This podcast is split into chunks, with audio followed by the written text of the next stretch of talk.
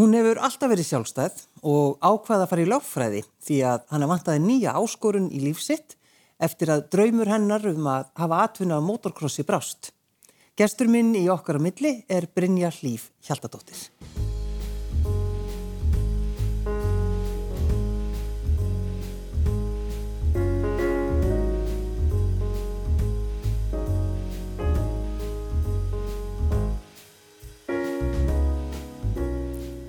Takk fyrir að sitja hjá mér. Já, takk fyrir að fá mig. Af hverju viltu verið í pólitík? Úf, það er stór spurning. um, ég held að sé aðala út af aðgengismálum fyrst og fremst. Að ég trúi því að ég hafa eitthvað fram að færa sem að getur eh, laga aðgengismálinn á Íslandi og síðan líka eftir að ég var mamma þá hérna, hef ég mjög mikið áhuga á barnamálum og svona fjölskyldumálum bara yfir höfuð. Mm það er svona aðalega það tvent sem að tókaði í mig að fara í pólitíkina. En er það sko eitthvað ólíkt því sem þú hefur verið eh, að pæla og veist, kom, kom þetta fólkinu þínu óvart og þú vildi fara út í pólitíkina? Um, nei, svo sem ekki sko. Ég, samt, ég var búin að segja að ég ætla ekki að fara á þanga en ég viss alltaf að ég myndi að ykkur leiti fara í þetta sko. Mm. En ég held að það hef ekki komið neinum eitthvað sérstaklega mikið ávart sko. Nei.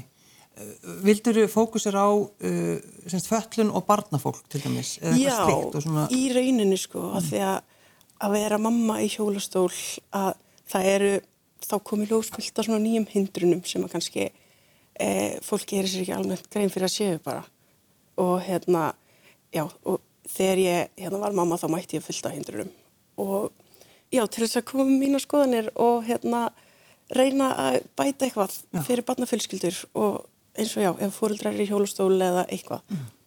Eins og þú eh, hefur talað um sko bara það að fara með batnið þitt á leikskóla. Það var, það gæti verið flókið. Já, það var alveg smá ferli að koma bara með batnið á leikskólan og eins að fá dagmum með plás. Það var alls ekkert hlaupið að því mm. og veist, það er nú erfitt nú þegar að fá dagmum plás og hvað þá fyrir fóröldrar sem er í hjólustól að finna dagmum sem er með góðu aðgengi líka. Mm.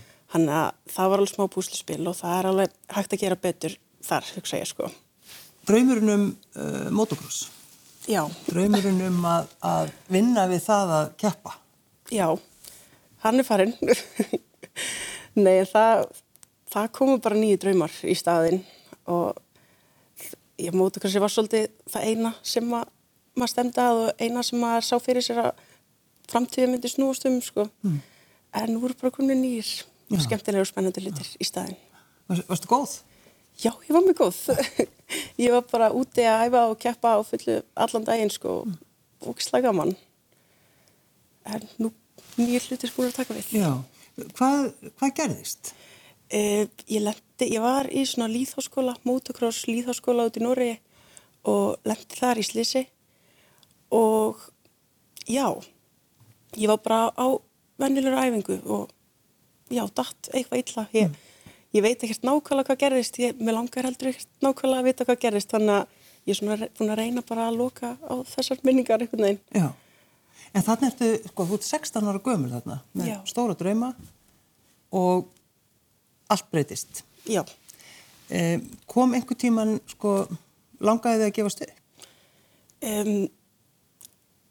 já, auðvitað einhver tíman, en ég var samt bara mjög fljóðlega eftir að ég lendi slísinu þá, veist, ég vissi bara að það var mjög langt og erfitt verkefni framöndan og hérna og ég var bara með svo gott fólk í kringum mig og gott bakland og mikið stunning að veist, það var aldrei í bóði sko. Mm. Og þetta náttúrulega hefur ekki bara áhrif á þig, heldur náttúrulega fjölskyldinu alla? Já, já, það var eiginlega svona það sem kom mér í gegnum þetta að ég þurfti, að náttúrulega mamma og pappi þetta var álega nærið eftir þau og alla, alla fjölskyldunum mína sko, þannig að ég þurfti að sína þeim að ég gæti verið sterk. Mm og ég var svona pínu að feika að ég væri sterkað í byrjun. Og hérna en síðan einhvern veginn hefur þetta bara tekist. Mm. Hva, Hvaðan kemur þessi styrkur? Ég heila veit það ekki.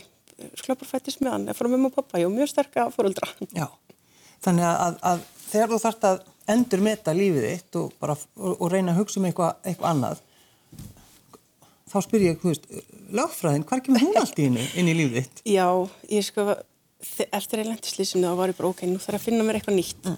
eitthvað nýtt markmið, eitthvað nýtt til að stefna á og eitthvað svona challenge og hérna á þessum tíma var lögfræði bara erfiðasta sem ég gæti nokkuð tíman hugsað mér sko, mm. en ég bara ok, geri það, fyrir lögfræðina og já, það var alveg mjög erfitt og kræfandi til að byrja með sko, en ég er að klára núna, hann að einhvern veginn hefur þetta tekist. Já, já. En um, þú hefur lagt áherslu að vera sko sjálfstæð, að það hefði kannski verið öðuldar bara að búa hjá fólkdöðinum, en, en þú flytur út bara já. 19 ára. Já, ég var mjög ung þegar ég bara flytta heimann og já, ég hef alltaf viljað bara vera alveg sjálfstæð, gera allt sjálf, ekki vilja hjálpi neitt. Hanna... Er það ekki svolítið erfitt í rauninni þegar maður er í hjólustól? Jú, jú, en ekki lengur, þú veist, maður finnur bara sína leiðir mm. og maður lærir bara á það, sko. Já, já. Mér langar svolítið að fá að vita, sko, að því bílinn sem þú varst alltaf á þess að byrja með, pallbíl, lítill pallbíl og maður hugsa svo, hvernig hvernig var svo ákvörðutekinn og hvernig gekk að fara upp í þannig bíl? Já, ég var náttúrulega, ég var 16 ára þegar ég lendi í slísinu og fæ bílpróðana árinu eftir Já. og ég var alveg harða á kunn því ég ætlaði að fá mér jæppa. Það kemi ekkert annan til greina sko og síðan keipti ég mér jæppan og vissi ekkert hvernig þetta komst upp í hann eða neitt sko en síðan bara fann ég út af því, fann mér bara mína leið og það tókst á endanum sko og mm. ég hef nánast verið bara á jæppa sín í fekk bílpróf alveg þannig að leiknaðist bann. Já, já.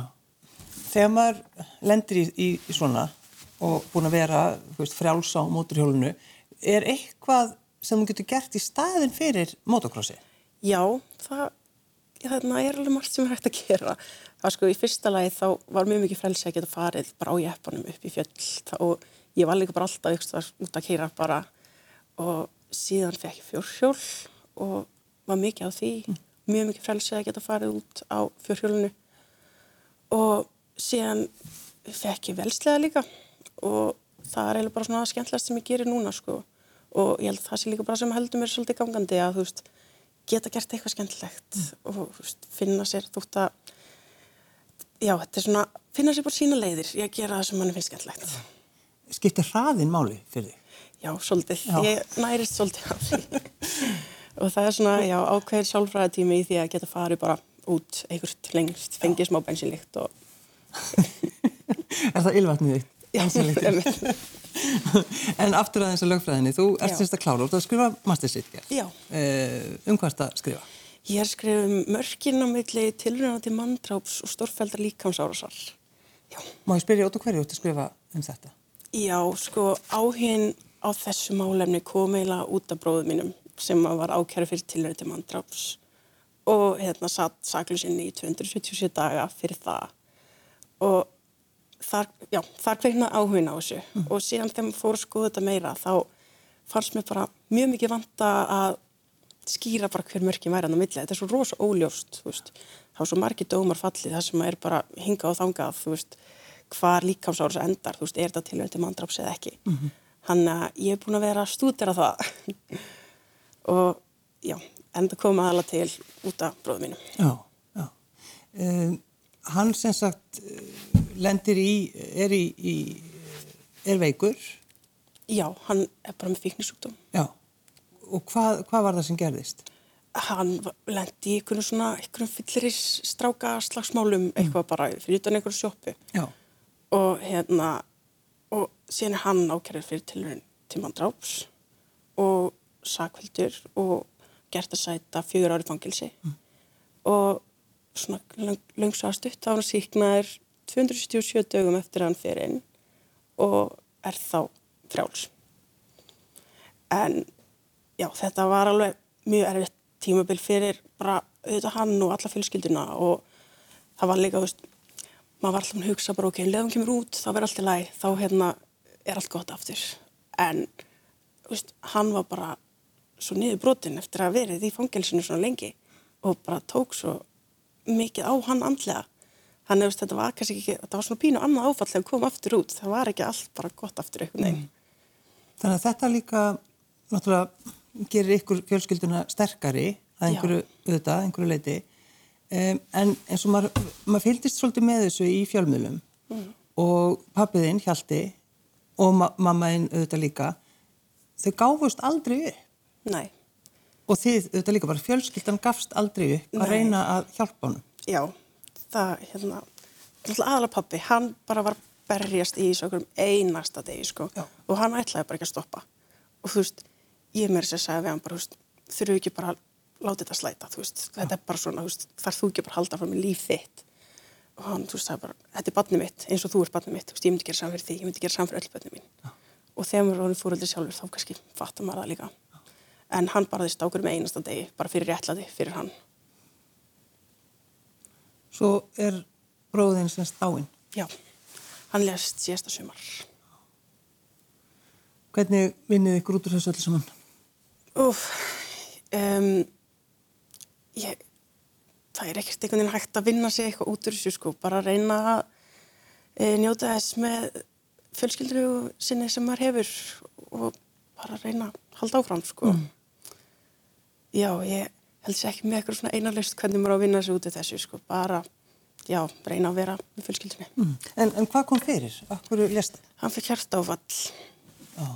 hann var bara já, hann var mjög veikur andlað þegar hann kom út af fangilsinu eðlilega og veist, hann fekk heldur ekki nógu góða læknisastóð þegar hann var í fangilsinu og bara eitt leita öðru og síðan gerist þetta hann og sko þegar hann deyr þá er hann bara áfrega góðum stað í lífinu þú veist, hann var komið með íbúð og bara leið vel, þú veist, var búin að etru mjög lengi.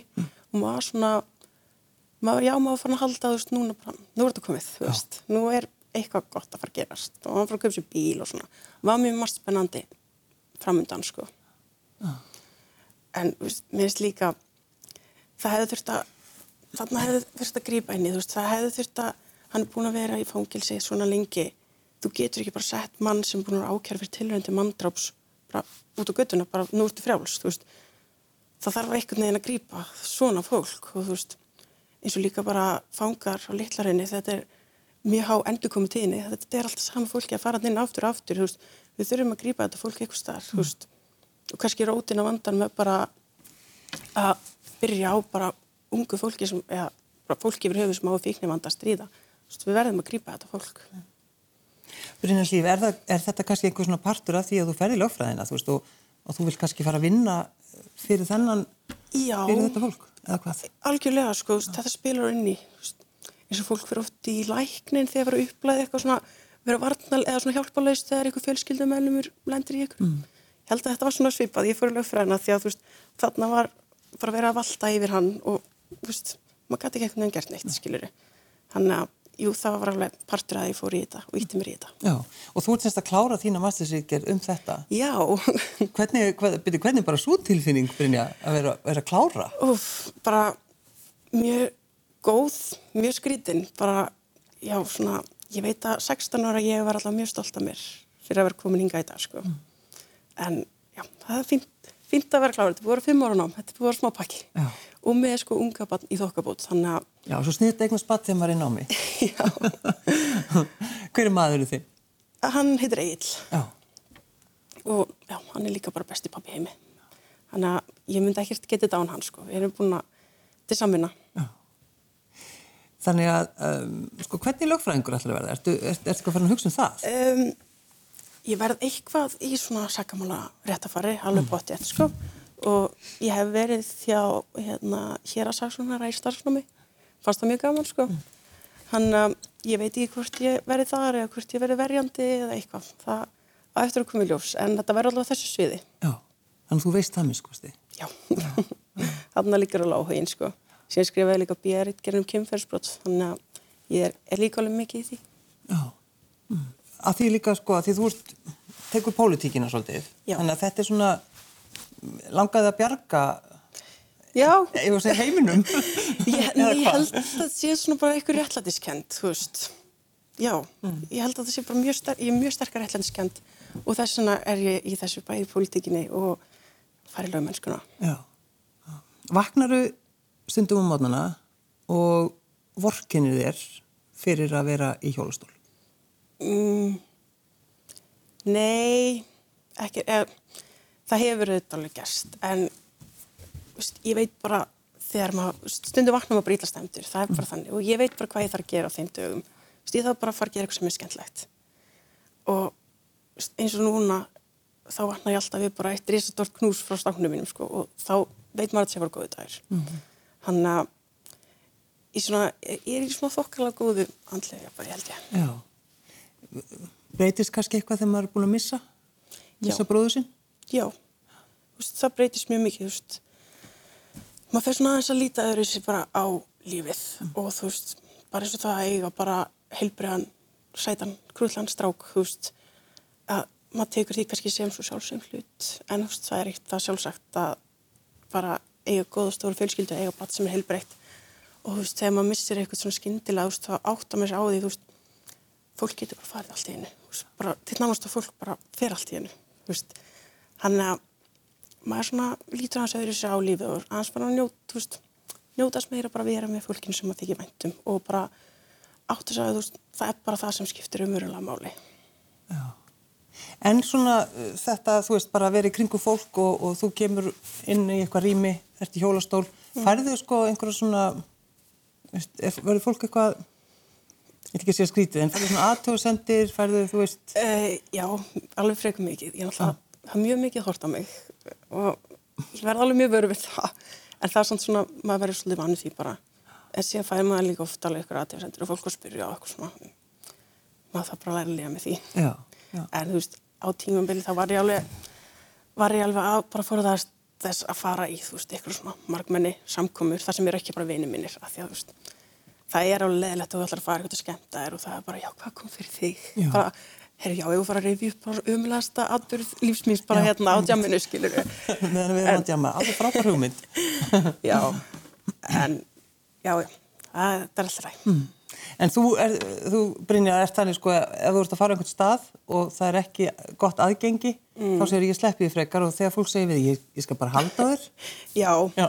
já, ég er mjög vöna að heyra þetta bara, já, heyru, þetta er alltaf læg, við bara lyftu þér. Bara, veist, það veit að allir vinnu mínir og vinkunum mínar að ég bara, ég er ekki að fara eitthvað sem ég get ekki fara sjálf. Nei. Og það var líka einmitt ástæðan okkur, þú veist, aðgengismál, þetta var eitthvað barátta sem ég ætla ekki að fara í. Ég, ég bara var ekki tilbúin í eina slag. Og, en síðan eftir, að því mér var alveg sami við komst í eitthvað, þá fór ég bara eitthvað annað. En eftir að ég eignaði strákja minn, þú veist, þá er þetta alltaf líka að vera byrjun honum. Ef ég kemst ekki eitthvað, þá kemst hann ekki eitthvað. Og þess vegna var ég bara, ok, nú þarf ég að fara að gera eitthvað í þessu, nú fer ég í pólitíkina. Já, já, nákvæmlega. En uh, þegar þú verður ólétt, mm. uh, hafður þú áhyggjur að því, þú veist eitthvað að þú geti kannski ekki sint öllum hans þörfum, mm. voru einhverja svoleiðis áhyggjur? Já, ég hugsa alveg mikið um það sko bara að því ég hef ekkert verið mikið kringum lítið börn, ég veit ekki, vissi ekkert hvernig það var sko en ég ákvaði bara strax yfir óleitt að hann myndi fá bara nákvæmlega sama uppeldi og súst sama frá mér og bara öll önnu börn frá frá maðurum sínum og við höfum bara saman fundið okkur, okkur leiðir til þess að hann getur bara fengið alveg eðlegt uppeldi sko og þú veist ég get, ég hugsa, get hugsað einu mann og þú veist, ég hef verið ein með hann út að leika og hann veist það, já, það er ekki neitt mál sko, en ég var alveg pínu stressu fyrir á tímbili að því að versta sem ég get hugsað mér er að fá okkur hjálp með hann, Já. en já, ég get alveg séð mann sjálf. Þannig að þið eru mjög sterk fjölskylda. já, ég hugsa það, já, við bara vinnum vel saman, öll, þrjú. Fyrir náttúrulega utan líka bara fóreldra þína og það því við erum alltaf að tala um þú veist að vera þessi styrkur. Já. Pappið er náttúrulega þekktur, Hjalti Úrsus, fyrir að vera sterkur. Ég fengi eitthvað styrk frá honum og eitthvað líka frá mömmu. Já, nákvæmlega. Hafður þú áhuga á, á liftingum og svona þegar þú varst yngri eða hvað? Það hafður eitthvað ekkert slíkt.